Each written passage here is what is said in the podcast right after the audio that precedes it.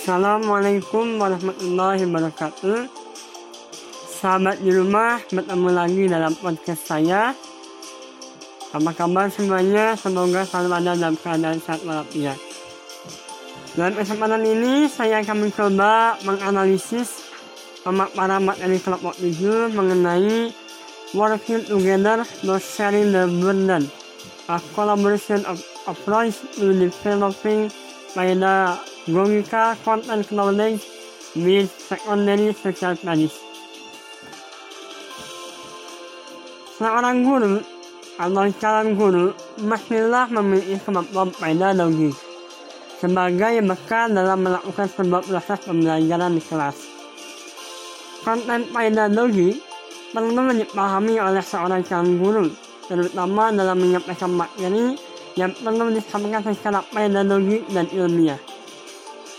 Namun kenyataannya, mata kuliah yang memuat tentang konten pedagogik yang diajarkan di universitas sangatlah terbatas. Padahal, dalam Undang-Undang Nomor 14 Tahun 2005 tentang guru dan dosen, seorang guru profesional harus memiliki empat kompetensi dasar dalam pendidikan, yaitu profesional, pedagogi, sosial, dan kepribadian. Kompetensi pedagogi berkaitan erat dengan kemampuan guru dalam memahami proses pembelajaran. Pembelajaran yang berlangsung di ruang kelas bersifat dinamis. Ini dapat terjadi karena komunikasi atau interaksi timbal baik antara guru dengan siswa dan siswa dengan siswa serta keberagaman siswa di dalam kelas juga akan memerlukan keterampilan seorang guru dalam mendesain program pembelajaran.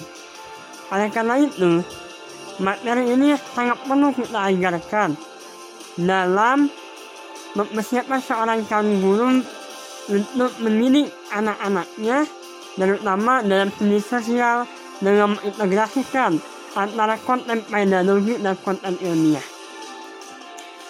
Sebelum ditutup, ada satu pertanyaan kepada kelompok yaitu bagaimana cara mengimplementasikan konten pedagogi yang dimiliki oleh seorang guru prajabatan dalam mengajarkan studi sosial di sekolah.